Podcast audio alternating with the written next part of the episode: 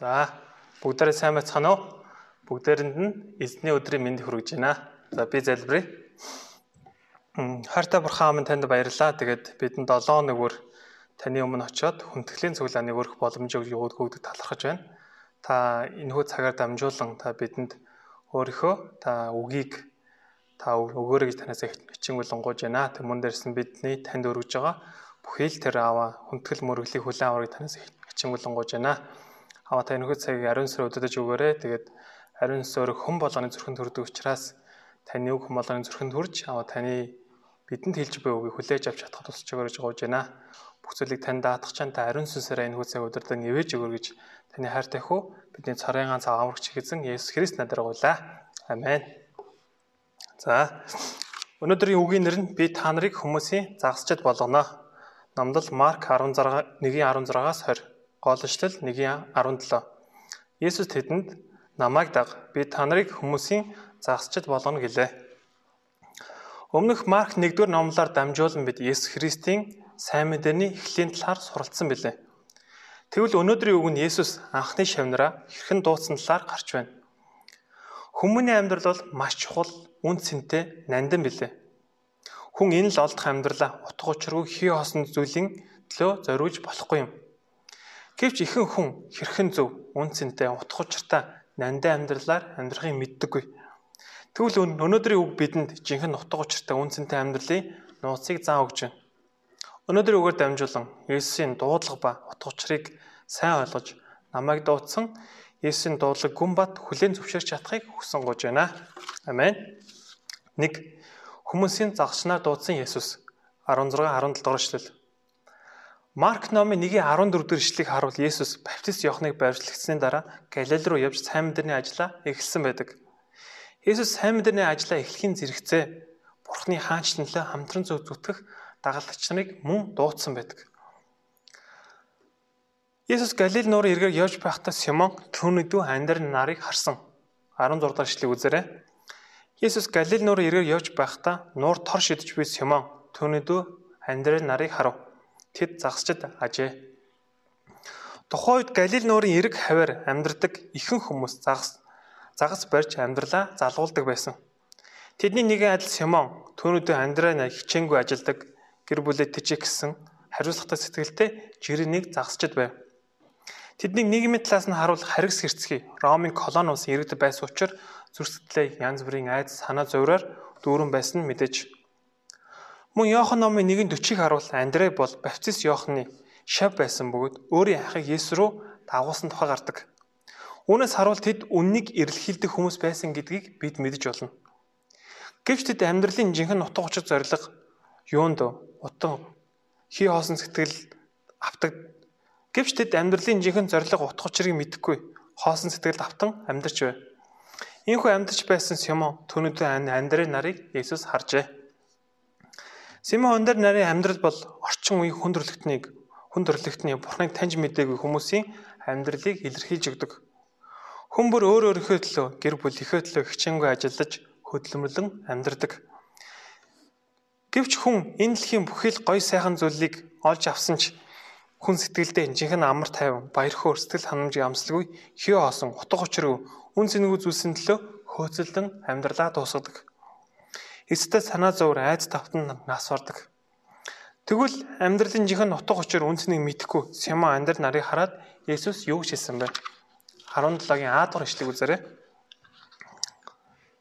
Есүс тэдэнд намайг даг гэж байна. Есүс тэдэнд намайг даг гэж хэлснээр амьдралын жинхэнэ зориг ба чиглэлийг заан өгч байна.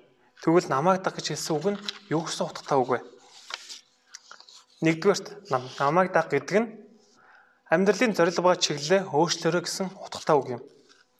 Симон амьдрал өдий хүртэл Галил нуурын ирэг дээр өөрийн болоод гэр бүлийнхаа сайн сайхны төлөө амьдарч байсан.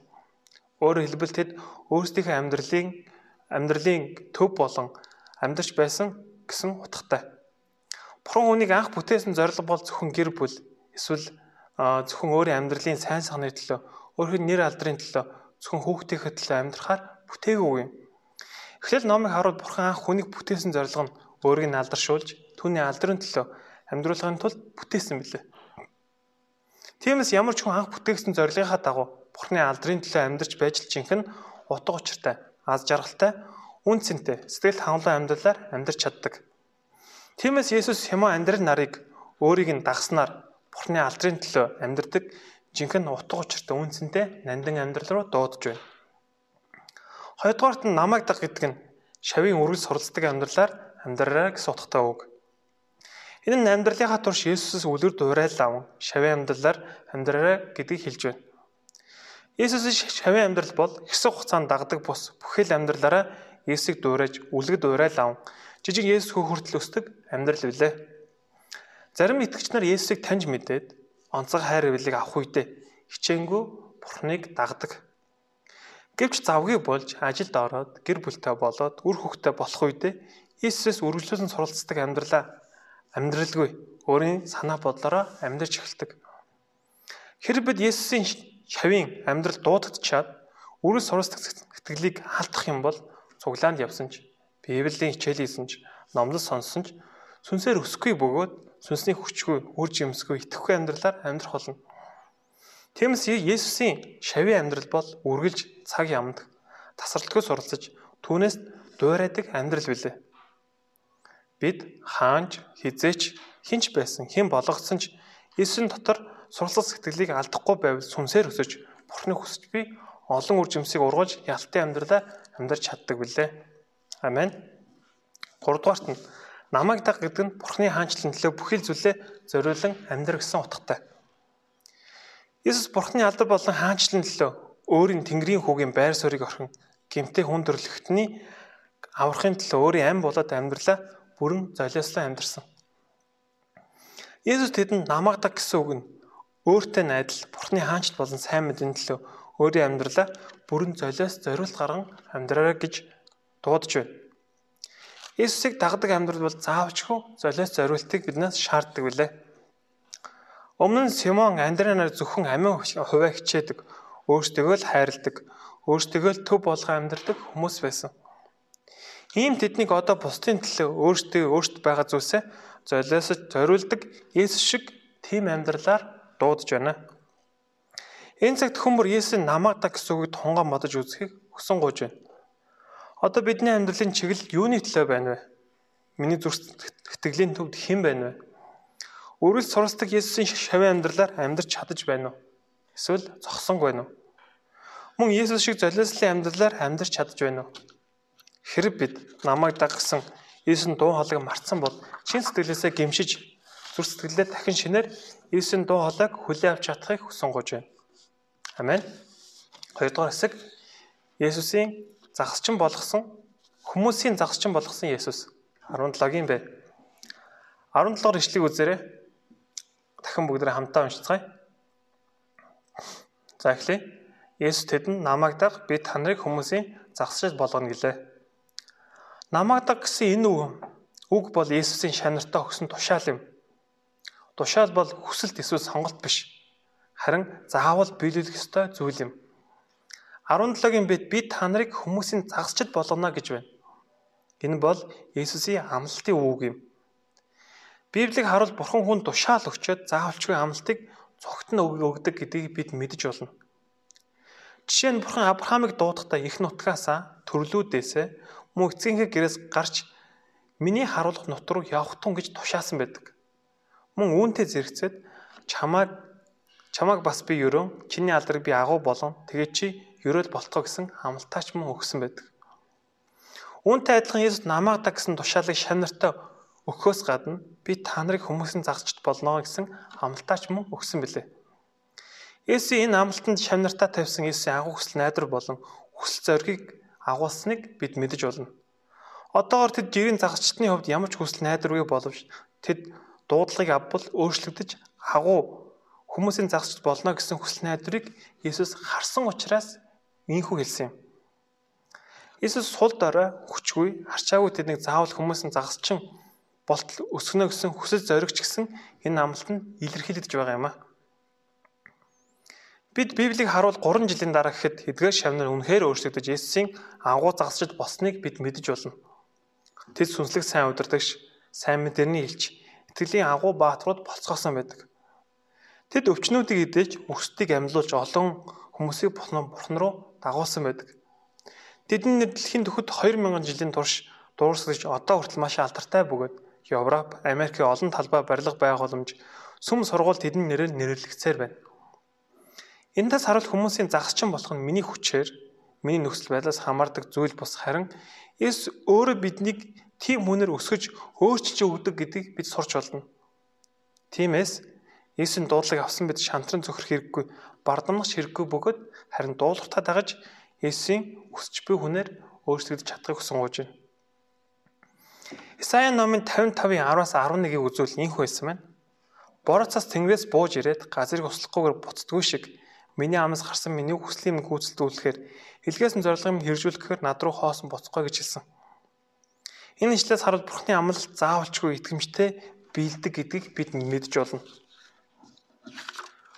Бурхан өнөөдөр биднийг Монголын болоод дэлхийн оюутан залсын төлөөх хончны амьдрал руу дуудсан билээ. Бид хончноор дөнгөж босгодоод гал халуун сэтгэлээр фишинг хийж нэгний библи хичээлийн олон оюутнуудыг Есүс Христ рүү дагуулдаг.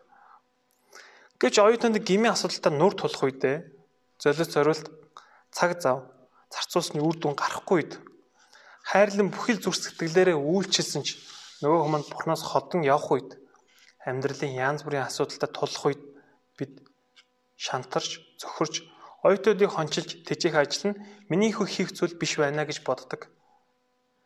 Гэвч энэ бол муу сүнсийн сорилт ба залмих билээ. Хэдий оюутанд асуудалтай би өөрөө чадваргүй сул дараа мэт харагдчихвч Иесус намайг хүмүүсийн загасчилдаг оюутны хажууд дуулсан л бол Иесусийн амлалт биелээ болох болно. Амен. Тиймээс бид нөхцөл байдал болоод өөрийгөө харлаг өдөр бүр өөрийгөө үүсгэн зөвхөн Иесусийн амлалтанд итгэж нэг сүнсийн аврах ажлыг хичээнгүй хичээнгүй хийх хэрэгтэй.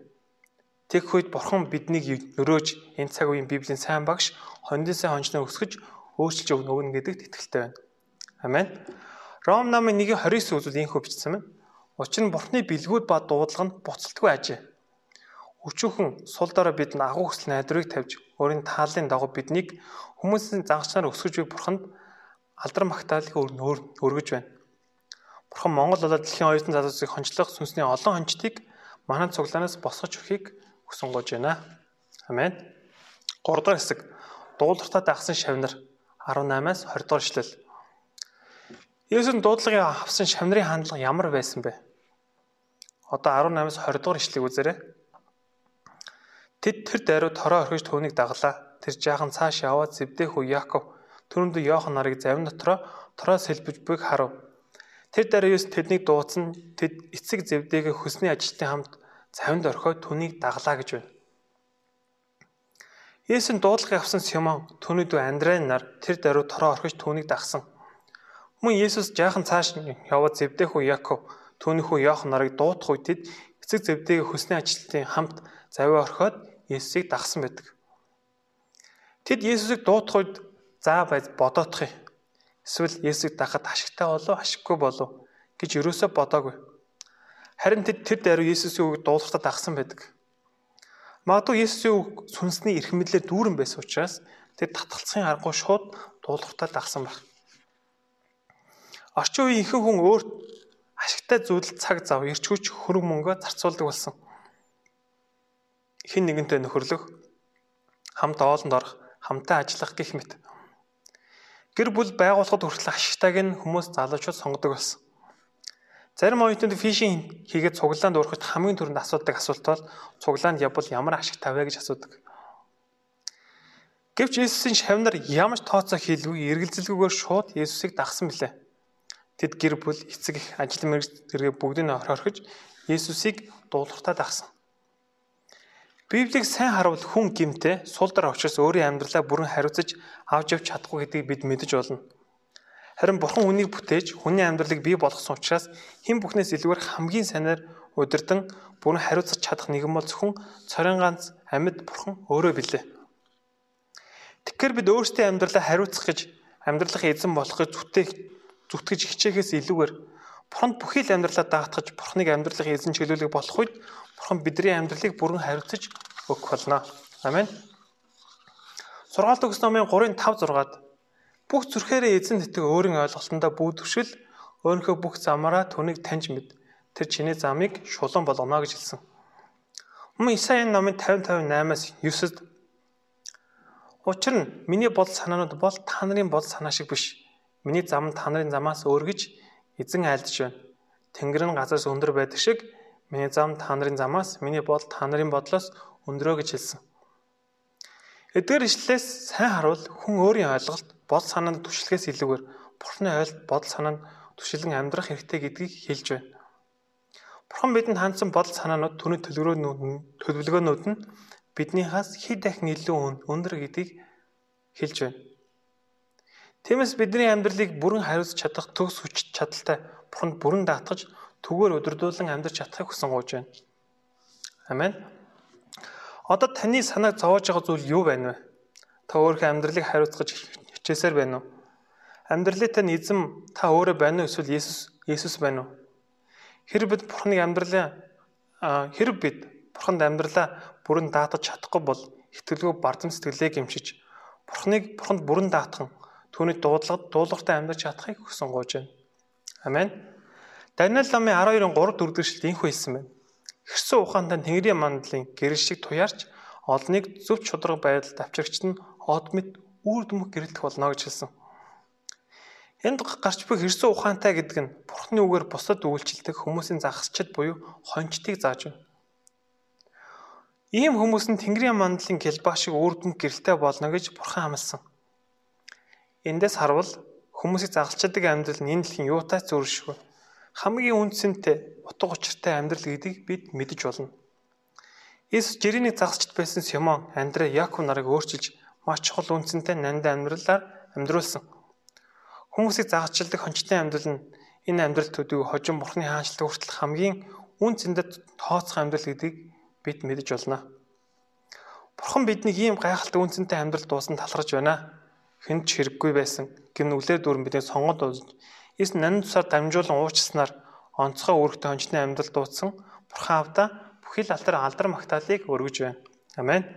Дүгнэлт Галилей нуурын загасчд баян, мэдлэг боловсралтай, авяас чадвартай, мундаг хүмүүс байгаагүй. Тэд бусдаас онцгойроод байх зүйлгүй бидэнтэй адилхан игэл жирийн хүмүүс байсан. Харин тэд Есүс дуудлагад итгэж дуулахтаа тагснаар Бурхны авралын ажилд нандин хэрлэж агуу сүнслэг удирдагч болцгоосон. Өнөөдөр гисэн биднийг Бурхан энэ цаг үеийн оюутан залуусын төлөөх хончны амьдрал сонгон дуудсан билээ. Энэ цагт Есүс намайг даг би та нарыг хүмүүсийн загсчд болгоно гэсэн дуудлагыг зүр сэтгэлдээ дахин гүнзгий хүлээн авч дуулууртай амьдарснаар энэ цаг үеийн Монголын болоод дэлхийн оюутан залуусын төлөх авралын ажилд нандин хэрэглэж чадахыг хүсэн гоож байна. Амен. За би залбирая. Хайртай бурхан танд баярлалаа. Тэгээд өнөөдрийн Есүсийн анхны шавнараа дуудсан үгээр дамжуулан бидэнд Есүсийн дуудлага болон дуудлагын цаана агуулж бурхны хүсэл найдвар зорилго нь юу вэ гэдгийг зааж өгсөн эзэн тандаа баярлалаа. Тэгээд намайг даг гэж хэлж буй Есүсийн тэр хайр нэгүслийн дуулаг би сонсож итгэж дуулахтаа дагснараа хамгийн үнцэнтэй утга учиртай тэр нандин амьдралаар амьдарч чадхад тусч өгөөрэй гэж танаас хичээнгүлэн гуйж байна. Эзэмнээ тэгээд мөн дээрс нь би та нарыг хүмүүсийн заагчд болно гэсэн таны энэ үгэнд итгэж манай чуулганы хүн нэг бүр аваа. Бурхны нэг сүнсийг аврах ажилд хичээнгүй хийснээрээ хамгийн сайн сүнсний удирдагчнаа сайн багш нар болж чадхад тусч гэж гуйж байна. Эзэм нь энэ цаг өдөртөө өгсөнд баярлалаа. Бүх зүйлийг танд даатгах чинь таны хайртай хөө бидний царайгаа заврагч гэсэн Есүс Христ нэрээр гуйлаа. Амен.